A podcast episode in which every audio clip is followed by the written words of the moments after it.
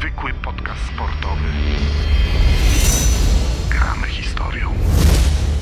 Ja się nazywam Norbert Tkacz, a to jest niezwykły podcast sportowy. Dzisiaj chyba tradycja, no bo jeżeli coś drugi raz z rzędu e, ukazuje się w ramach naszego podcastu, no to już chyba można nazwać tradycją. Tak teraz patrzę znowu w stronę mojego realizatora, czy on poprze tę opinię, czy nie. Ma winę nieodgadnioną, nie wiem. Ja nazwę to taką krótką, ale jednak tradycją, że od czasu do czasu, raz konkretnie rzecz biorąc w serii, ukazuje się u nas tak zwany odcinek specjalny. Odcinek specjalny, który różni się od y, innych przeważnie tym, tak do tej pory było, przynajmniej ten jeden raz, teraz będzie drugi, iż puszczamy Wam y, pełnokrwisty, pełnometrażowy reportaż radiowy, oczywiście mówiący o sporcie, o historii sportu, o znanych postaciach, może czasami trochę zapomnianych, ale to tylko dobrze robi e, temu, temu reportażowi, ponieważ e, być może wtedy to bardziej przykuje słuchaczy, aniż niż historie, które wszyscy znają i, i, i o nich sobie opowiadają, a czasami nawet nimi żyją.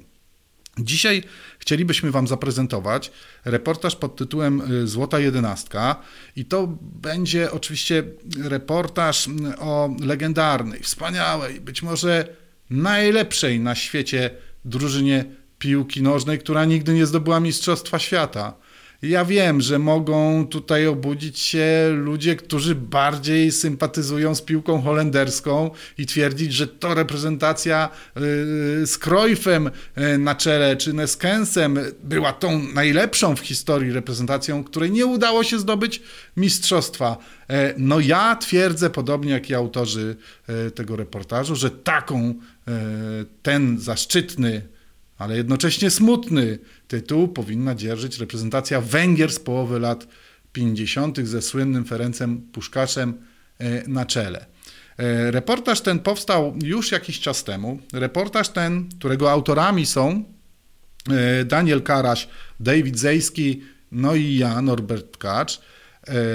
Reportaż ten powstał na Węgrzech, w dużej części w Polsce. Co jest ciekawe i co należy jakby uwypuklić i zaznaczyć, że w reportażu tym wypowiadają się zawodnicy, ostatni żywi wtedy, teraz już niestety nie, żywi zawodnicy złotej jedenastki, Jano Bozański, obrońca i, i i Julia Grosicz, bramkarz. I to jest e, niebywałe, niebywale cenne dla tego reportażu. Być może też ten reportaż był e, formą, która była nagradzana kilkakrotnie, a więc znowu wiemy, że puszczamy coś naprawdę wartościowego, to może trochę głupio brzmi, ponieważ jestem współautorem tego materiału, no ale trochę się trzeba chwalić przecież, no, no, nie, no nie ma co się tutaj jakoś specjalnie oszczędzać, skoro włożyło się w duży wysiłek, później była, było to docenione przez słuchaczy, no to trzeba przypominać od czasu do czasu tego rodzaju sprawy, które przecież gdzieś tam nie przemijają, a nawet może, e, może mm, zagoszczą na stałe bardziej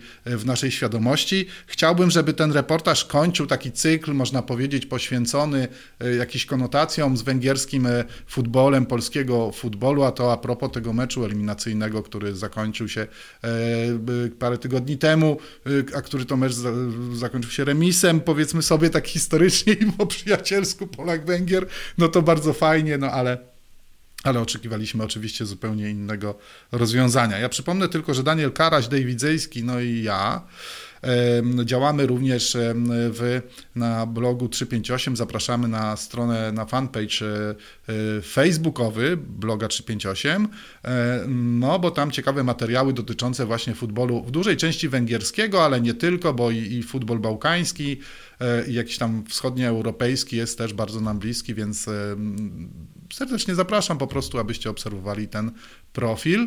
No i oczywiście nasz profil niezwykły opowieści sportowych, jak najbardziej e, tak. Jeszcze chciałem jedno albo dwa zdania, zanim przejdziemy do reportażu. Otóż e, mm, po reportażu powstał pomysł, żeby tą, te informacje, które były zawarte w nim, wzbogacić i na tej kanwie napisać książkę. I taka książka się ukazała. Wydawnictwo Arena wydała tą książkę, wydało tą książkę.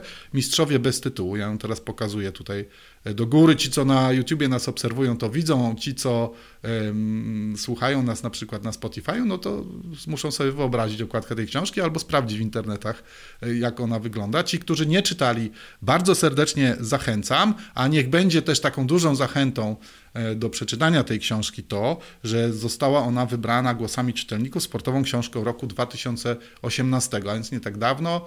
E, zaszczytny tytuł, e, treść została doceniona.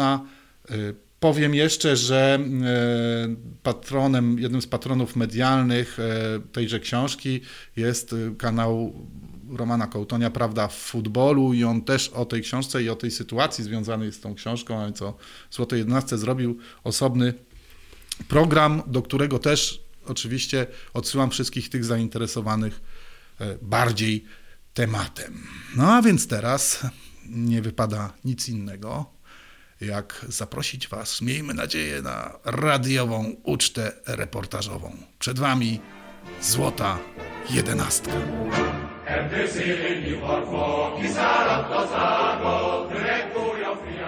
Sechs Minuten noch im Bankdorfstadion in Bern. Schäfer nach innen geflankt, Kopfball, abgewehrt aus dem Hintergrund müsste Rahn schießen. Rahn schießt, Tor, Tor, Ciarki mnie przechodzą. Do dziś co roku 4 lipca czuję tę piłkę ocierającą się o moją nogę. Bez cienia wątpliwości to była jedna z największych drużyn w historii futbolu wszystkich czasów. Drużyna, która w dużej mierze no, ten futbol zrewolucjonizowała. 1940-ben Moszkvába érkezett Rákosi elvtárs. Stalin féltő gondoskodása mentette meg számunkra drága életét a horti hóhérok karmai közül. Lata 50. to jest panowanie Rakoczego i okrutnego terroru. Na Węgrzech jest fatalny nastrój. Węgry ciągle żyją w poczuciu ogromnej nie tylko klęski, ale i uważania ich za ostatniego przymierzeńca Hitlera, który się ześwinił w sposób straszliwy i rząd węgierski, partia komunistyczna z Rakosiem na czele, codziennie wystawia Węgrom rachunek sumienia.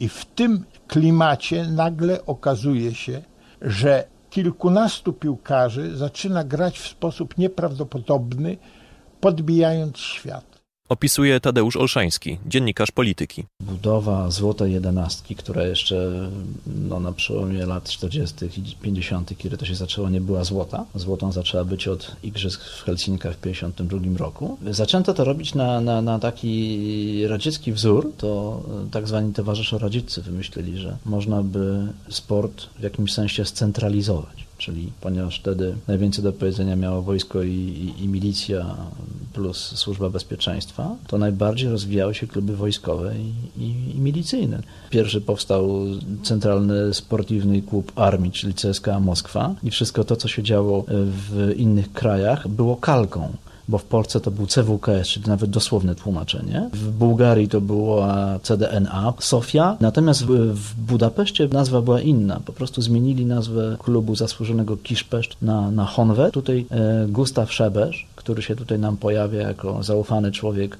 władzy, bo to jest przedwojenny komunista jeszcze, więc można, można mu ufać. Zaczyna ściągać z całych Węgier najlepszych piłkarzy w jednym klubie, czyli kosztem Ferencvaros, kosztem MTK, kosztem Waszaszu. Wyjaśnia Stefan Szczepłek, autor mojej historii futbolu. Szebesz był człowiekiem bardzo spokojnym, rzeczowym, i miał wizję dość nowatorską jak na owe czasy, bo to był okres, kiedy w sporcie amatorskim powstała możliwość osiągania wybitnych wyników dzięki upaństwowieniu czołówki kadry narodowej. Szebesz miał cały sztab współpracowników, ale oprócz tego, że był organizatorem całości, dyrektorem, można powiedzieć, tego zespołu, był jednocześnie człowiekiem, który znał się na futbolu. Trenerzy byli od prowadzenia treningu, trenerzy byli od ćwiczeń fizycznych, od przygotowań, od różnych innych rzeczy, a Szebesz tworzył koncepcję gry, rozmowy z zawodnikami, to była jego działka. Kocsis Tibor Bozsik cucu, nagy labda művészek, ez közelről sájháj, az angol hátvédek, hideg kuti puskás öcsi. W poszczególnych krajach, nazwijmy je socjalistycznymi, bardzo też podkreślano jak walory patriotyczne i, i narodowe. Na Węgrzech zmieniono piłkarzom nazwiska w sytuacji, kiedy one nie pasowały do tego wizerunku, czyli krótko mówiąc, jeśli ktoś miał nazwisko niemieckie lub y, tureckie czy żydowskie, to mu zmieniano na, na, na brzmiąco bardziej po węgiersku, więc tak naprawdę Ferenc Puszkarz nie był Ferencem Puszkaszem, tylko, tylko e, naprawdę się nazywał Purcell. W przypadku Lantosza bodajże to postąpiono jeszcze inaczej, on się nazywał Lipowicz. No to też to nie pasowało. E, Sam Gustaw Szebesz nie nazywał się Szebesz, tylko, tylko Szarenpek i był, i był Żydem. E, Pochodził z klubu, jeśli można tak powiedzieć, z MTK, klubu żydowskiego. W jeszcze inny sposób postąpiono z Hidegutim, który tak naprawdę nazywał się Kaltenbrunner i miał pochodzenie szlacheckie no to już w ogóle nie pasowało do, do tego, co, co mówiła oficjalna propaganda, no bo jak może szlachcic z, z takimi korzeniami grać w, w, w reprezentacji ludowego państwa. Urząd Bezpieczeństwa w osobie Farkasza Michaja roztoczył parasol ochronny nad reprezentacją narodową. Władze partyjne robiły wszystko, aby Złota Jedenastka była wizytówką Węgier na świecie. Wyjaśnia Okwat Imre z Archiwum Urzędu Bezpieczeństwa Państwa. Kapuja mellett, nem baj, nem baj, gyerünk tovább, és újra ott van Puskás száll a labda, lövés, gól! W 1950 roku pojechaliśmy z reprezentacją górniczych związków zawodowych do Albanii i pokonaliśmy ich drużynę. Był tam obecny trener z Węgierskiego Związku Piłki Nożnej, który powiedział, że byłem najlepszy na boisku i zarekomenduje mnie Gustawowi Sebeszowi. Mój pierwszy występ w reprezentacji odbył się w Bułgarii. W wyjściowej jedenastce na prawej obronie był wystawiony Kowacz drugi, ale pół godziny przed meczem zostałem wezwany do szatni i trener Sebesz oznajmił mi: To jednak ty zagrasz. Mam nadzieję, że słuchałeś mnie uważnie na odprawie, bo to, co mówiłem do Kowacza drugiego, tyczy się ciebie. Ubrałem koszulkę z numerem drugim i potem, żeby jej nie stracić, spałem w niej przez sześć lat.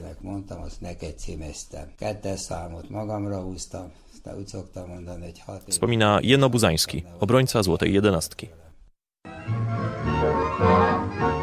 Akik a vizsgán megbuknak, kérem ők semmit nem tudnak. De aki mindig tervet készít, az is egy érző ember csak. Komunizm to był inny świat. Mogę powiedzieć, że do pewnego stopnia byliśmy protegowani. Kiedy po północy kończyliśmy zabawę, dwóch policjantów odprowadzało nas do domów pod same drzwi, czekali aż wejdziemy i wtedy się oddalali. Chronili nas.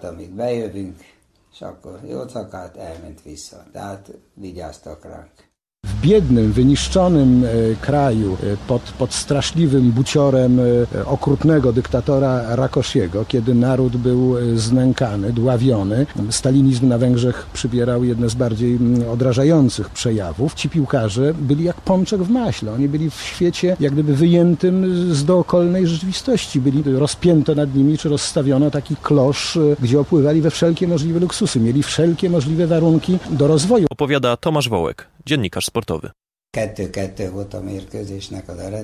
Z Bułgarią zremisowaliśmy 2 do 2.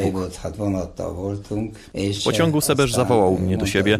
Powiedział, że był zadowolony z mojej gry i jeżeli będę dalej tak dobrze grał, to pojadę na olimpiadę. Nie było takiej rzeczy, której bym wtedy nie zrobił, żeby wyjechać. Mógłbym się nawet tarzać w błocie. Wyjechałem, zostałem mistrzem olimpijskim i dostałem buziaka od Miss Universe.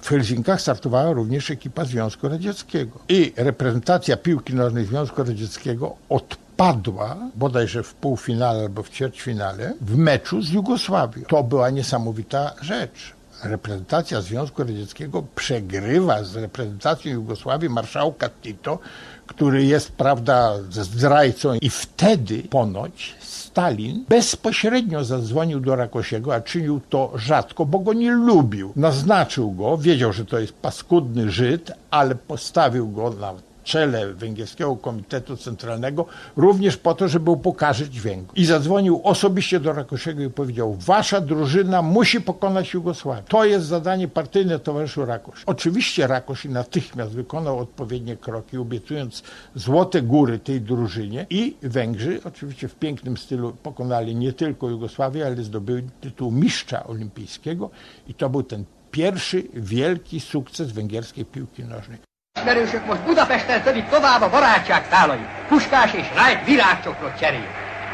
Dwa mecze z Anglikami, którzy przecież na początku lat 50.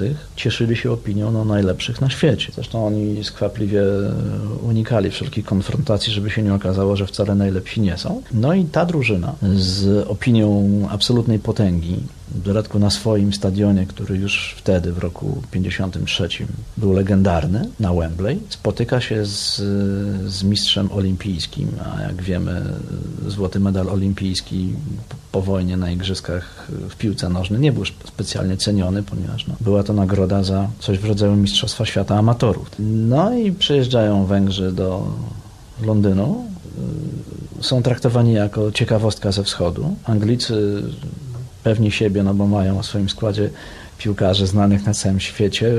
Pierwsza minuta meczu już przegrywają 0-1, bo im pierwszą bramkę bodajże Hideguti strzela. Skończyło się, jak wiemy, 6-3. Wembley 6-3. Nieprawdopodobny, wielki, wspaniały sukces. Potem rewanż w Budapeszcie 7-1 i nagle okazuje się, że na świecie ta drużyna tego zniszczonego i upokorzonego kraju jest najlepsza. Mecz stulecia. Anglicy to wymyślili. Przed meczem z nimi graliśmy ze Szwedami w domu. Wymęczyliśmy remis 2 do 2. Jedyny mecz, na którym nas wygwizdali. Selekcjoner Szwedów powiedział, że nie ma się co bać Madziarów. Anglia na pewno pokona ich dwoma, trzema golami. mert két-három góllal biztosan megveri az angol válogatott. Ten system 4-2-4, który olśnił świat w wykonaniu Brazylijczyków w 1958 roku, to była udoskonalona wersja systemu węgierskiego. Cofnięcie tytularnego środkowego napastnika Nandora Hidekutiego do tyłu, cofnięcie tytularnego pomocnika Zakariasza do tyłu sprawiło, że zagęścił się środek pola i ci Węgrzy uzyskali o wiele większą elastyczność. Zmiany pozycji to była też rewolucja. Anglicy, którzy doznali tych dwóch straszliwych historycznych klęsk, nie byli w stanie zrozumieć, co się dzieje. Oni przywykli w swoim schematyzmie, doprowadzonym do perfekcji swoistej, do tego, że lewoskrzydłowy biega po lewym skrzydle. I jak zobaczyli nagle Chibora po prawej stronie, no to zdurnieli po prostu. Na świecie nie było jeszcze takiego fenomenu, żeby w jednej drużynie grało czterech graczy klasy światowej. Ta drużyna była szczęśliwa, mając Puszkasza, Hidekutiego, Bozika oraz Kocisza. Puskás, Kocsis, Bozsik, Hidekuti, ez a négy játékos, akik önmagukban is világklasszisok voltak. Oni sami w sobie byli klasą i decydowali o wynikach większości meczy reprezentacyjnych. Wspomina Gyula Grosic, bramkarz Złotej Jedenastki.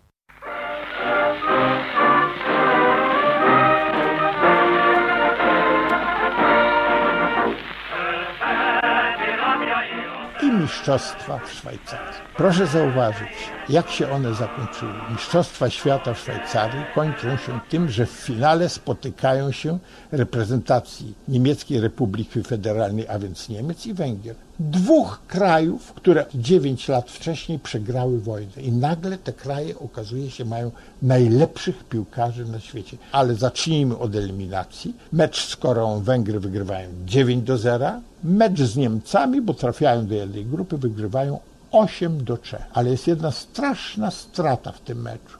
Kontuzjowany zostaje as drużyny węgierskiej, najwybitniejszy piłkarz, kapitan zespołu Ferenc Puszkarz.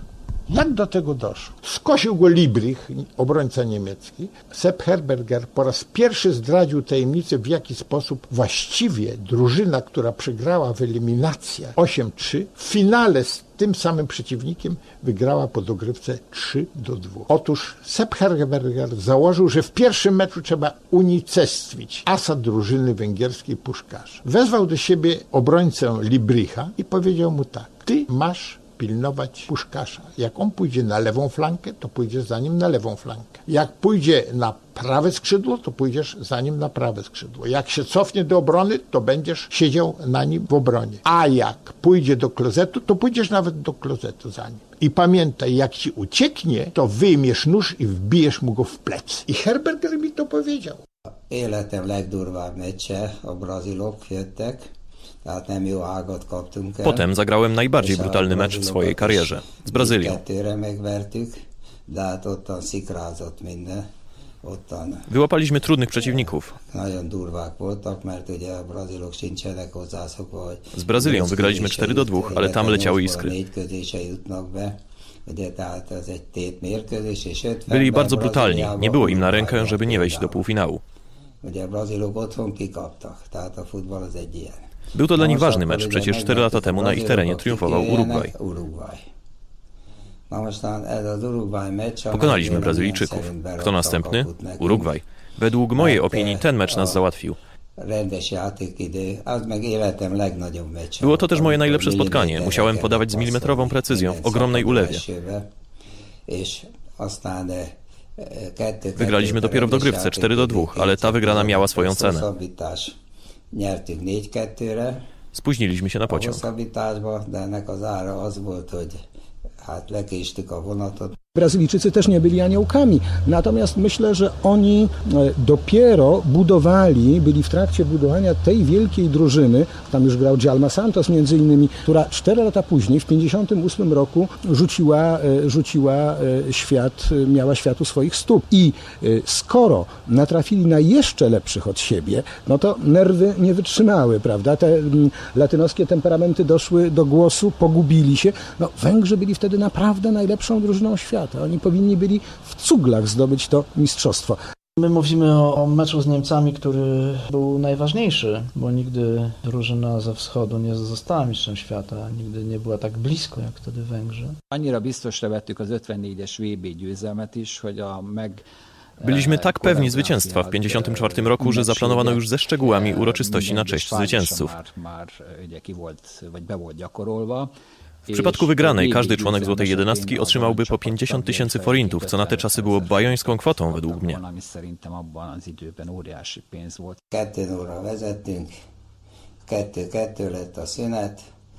Prowadziliśmy 2 do 0. végeredményben ugye kikaptunk Do przerwy było już 2 do 2, no i przegraliśmy ostatecznie. 3-2-re, és Przy stanie 2 do 3 strzeliliśmy poprawnego gola, którego sędzia główny uznał, ale liniowy myślał, że jest 1 maja i zaczął machać chorągiewką. utána a partjelző, az meg azt hitte, hogy május 1 van, aztán legyezett ottan, visszavonatta. És hát Jeżeli ten gol zostałby uznany, to we wtorek byłby następny mecz, który rozegralibyśmy na takim samym poziomie zmęczenia jak Niemcy. Akkor kedden új meccs lett volna, tehát pihentebb, egyforma fáradtság, stb. Az egész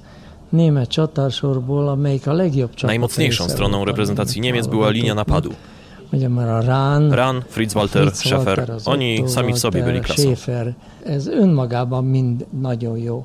Na temat tego meczu mm, napisano mm, tony rozpraw, książek. Ja myślę, że niewątpliwie wybitny trener, jakim był mm, Gustaw Szepesz, y, popełnił błąd. I to błąd paradoksalny, bo najlepszym piłkarzem, kapitanem tej złotej jedenastki był Ferenc Puszkarz, jak wiadomo. Tyle, że Puszkarz przed meczem finałowym doznał kontuzji. Y, Nie było wtedy jeszcze zmian. I Szepesz stanął wobec no, dramatycznego dylematu. Czy wypuszczać tego nie w pełni sprawnego Puszkarza, a pogoda w Bernie była kiepska, padało, boisko rozmiękłe, błotniste, ufając w jego klasę, która nawet przy niepełnej sprawności no, dawała zespołowi niesłychanie wiele, e, czy też jednak wystawić rezerwowego. Zdecydował się na Puszkasza. Początek meczu zdawał się potwierdzać słuszność tej decyzji, bo Puszkasz strzelił bramkę, ale potem grał coraz, coraz słabiej, zawodził, e, mógł zdobyć e, gola, prawda, poślizgnął się. Już pewnie ta niesprawność nogi dawała znać o sobie. Druga rzecz, e, że jednak Herberger przehytrzył Szebesza. On w pierwszym meczu, tym 3 do 8, wystawił aż pięciu rezerwowych. E, Węgrzy zlekceważyli przeciwnika. Kiedy roznieśli tą niemiecką drużynę, wydawało się, że powtórzą to śpiewająco, e, bez większego wysiłku. Mm, Poza tym mm, Niemcy byli atletycznie lepiej przygotowani. Ta finezja węgierska, ta fantazja, ten rozmach grzęzły w tym błocie. I ta pewność siebie mm, węgierska, kiedy natrafiła na ten niemiecki mur, zaczęła kruszeć, zaczęła słabnąć, pojawiły się nerwy. Ci stuprocentowi faworyci, bo w dziejach futbolu nie było chyba w finale Mistrzostw Świata większego, bardziej gwarantowanego, stuprocentowego faworyta niż właśnie Węgrzy. Olyan szó, hogy doping abban az időben nem. Termin doping w tamtych czasach nie istniał. Słyszeliśmy jedynie, że znaleziono strzykawki w szatniach. Nas to absolutnie nie interesowało.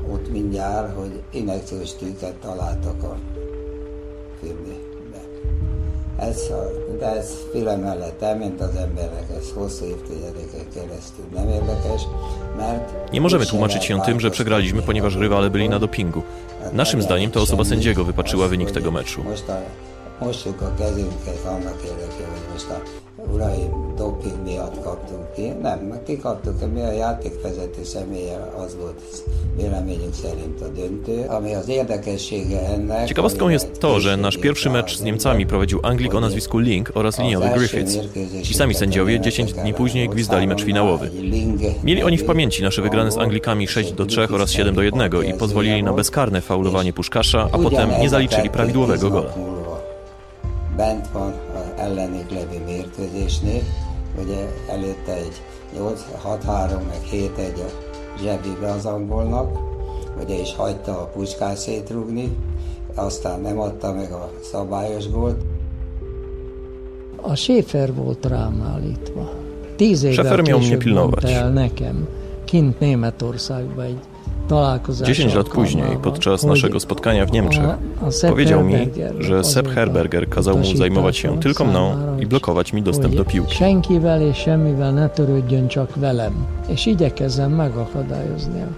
Przy drugim golu, w trakcie rzutu rożnego, złapał mnie za szyję i powalił na ziemię. szöglet e, Ran dzięki temu mógł z 6 metrów wbić piłkę do pustej bramki. Kapta a nyakamat, és lerántotta földre. A labda átívelt fölöttünk, és a rán kb. 6 méterről bepasszolta a labdát. I mecz zaczyna się wspaniale. Bramkę strzela Cibor, bramkę strzela Puszkarz. Jest 2 do 0, a potem jest w drugiej połowie 2-2 i dogryw. I tu historia znów niesamowita, bo węgierskie radio złamało zasady obowiązującą w radiu socjalistycznym w tamtych czasach, że nic na żywo w radio się nie mówi. Wszystko może iść z półgodzinnym poślizgiem. Również mecze piłki nożnej. I sekretarz KC, ten dyktator Maciasz Rakoszy, jak jest 2-2, zdenerwowany dzwoni do radia węgierskiego i pyta, to jaki jest końcowy wynik? Towarzyszu sekretarzu, nie wiemy, bo jest 2-2, jesteśmy po przerwie. Jak to? To nie jest nadawana relacja z poślizgiem. I oprócz tego, że surowe konsekwencje wyciągnięto w stosunku do drużyny, o czym za chwilę, to również poleciała cała redakcja sportowa z wyjątkiem właśnie sprawozdawcy Sepieszego, który pracował właśnie w Szwajcarii i relacjonował te spotkania. Około północy dojechaliśmy pociągiem do granicy. Tam nas powitali delegaci partyjni. W obozie szkoleniowym w Tata spotkał się z nami sekretarz generalny Rakosi. Powiedział nam, że nic się nie stało, że budujemy dalej socjalizm. Nie podsycał i tak już tragicznych nastrojów. Starsza generacja Węgrów i tak nigdy nie dopuści do świadomości, że przegraliśmy po sportowej walce. Akkor abból soha nem fogják tudni kitörölni azt, hogy mi legálisan kaptunk ki. Megérkeztünk Hegyeshalomra, megállt a vonat, le kellett szállni. Przyjechaliśmy na granicę. Pociąg się zatrzymał, musieliśmy wysiąść. harmadosztályú fogadóbizottság. Czekali tam na nas trzeciorzędni działacze partyjni. Oczywiście nie byli to ci, którzy mieli być i nie przemawiali ci, którzy mieli mówić.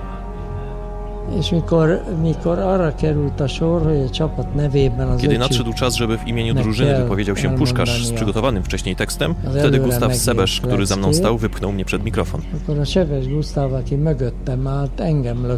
mikrofon Nie wiedziałem, gdzie jestem, a co dopiero co mam powiedzieć. Azt se tudtam, hogy hol vagyok, nem azt, hogy mit kéne mondani. Jest również szalone rozczarowanie społeczeństwa i zamiast witać ich jako zwycięzców, przecież zostali wicemistrzami świata, właściwie czeka się na nich prawie na zasadzie pogromu. A mérkőzésnek a napján este, hát Budapesten W dzień rozgrywania finału wieczorem w Budapeszcie wybuchło powstanie futbolowe. Ludzie byli źli. Mając pewność, że wygramy ten finał, myśleli, że sprzedaliśmy mecz. Wywracali tramwaje, demolowali sklepy. Obwiniali również władzę za porażkę.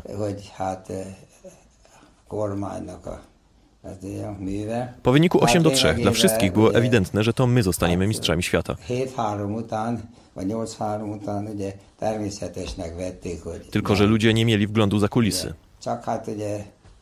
nem láttak bele.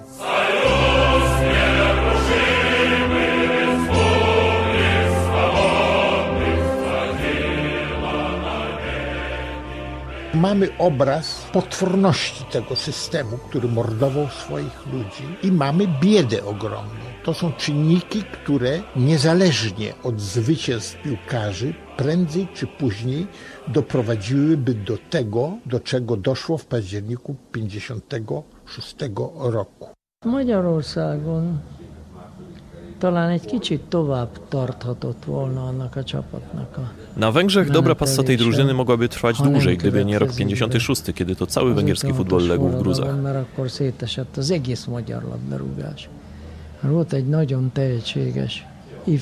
válogatott, Mieliśmy bardzo uzdolnioną młodzieżówkę, która latem 56 roku 1956 wygrała Mistrzostwa Europy bez utraty gola. W tej drużynie było dwóch, trzech świetnych piłkarzy, którzy mogliby być następcami drużyny Puszkasza. Hát méltó módon Wszyscy bez wyjątku zostali w 56 roku za granicą. Rewolucja przetrąciła karierę również tej drużyny. mindegyik. Kint maradt 56 után nyugaton, Te wszystkie działania wywiadu węgierskiego i nie tylko wywiadu węgierskiego, ale również KGB, przecież to było polowanie na nich. W sali, do której mnie wprowadzono, przygotowane były średniowieczne narzędzia do torturowania ludzi.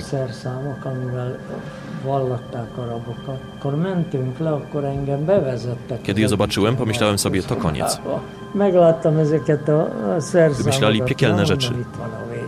Pokoli dolgokat tudtak kitalálni. És az, az Co prawda fizycznie mnie nie maltretowali, ale mogę sobie wyobrazić, jak likwidowali innych więźniów. hasonlóképpen bevitt rabokat, hogy. Czy gdyby finał w 54 roku został wygrany, to czy dopuszczono by się wobec pana takich ekscesów? Wtedy oczywiście nie mieliby czelności, by coś takiego robić.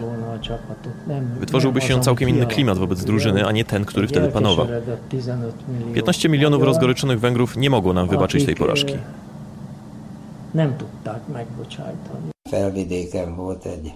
Élménybeszámoló. Kilka lat po tych wydarzeniach opowiadałem Węgrom żyjącym na Słowacji o swoich wspomnieniach. Kiedy skończyłem, z publiczności podniósł się starszy pan z kręconymi siwymi włosami i powiedział Towarzyszu Buzański, pan sobie może mówić co chce, ja i tak umrę ze świadomością, że sprzedaliście ten finał.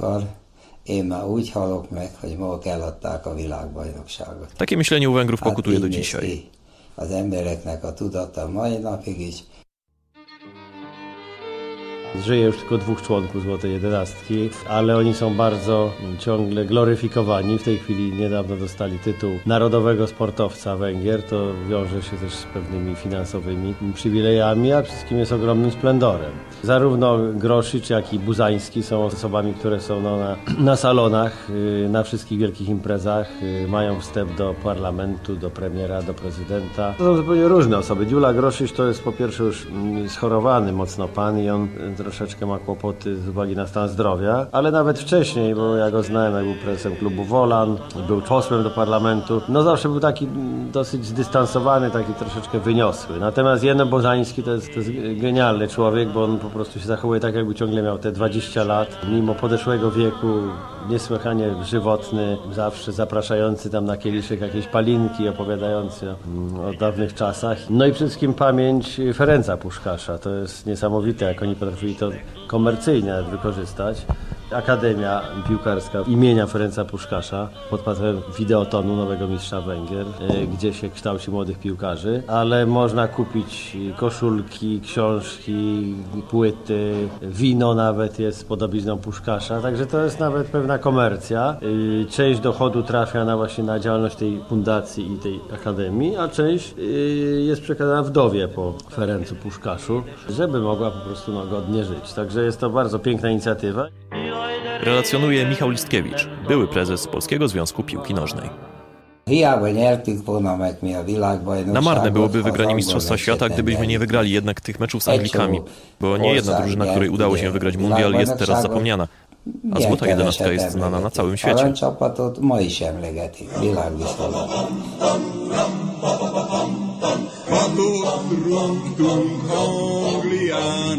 olyan, mint egy álom, hely, ami mi hazánk Reportaż przygotowali Dawid Zejski, Daniel Karaś i Norbert Tkacz. Montaż Bartłomiej Kopeć. Czytał Arkadiusz Łukaszewicz. Niezwykły podcast sportowy. Gramy historią. Mam nadzieję, że się podobało. Mam nadzieję, że na tyle Was zainteresował ten temat, że sięgniecie po książkę. Przypomnę, Mistrzowie bez tytułu Sportowa Książka Roku 2018 roku.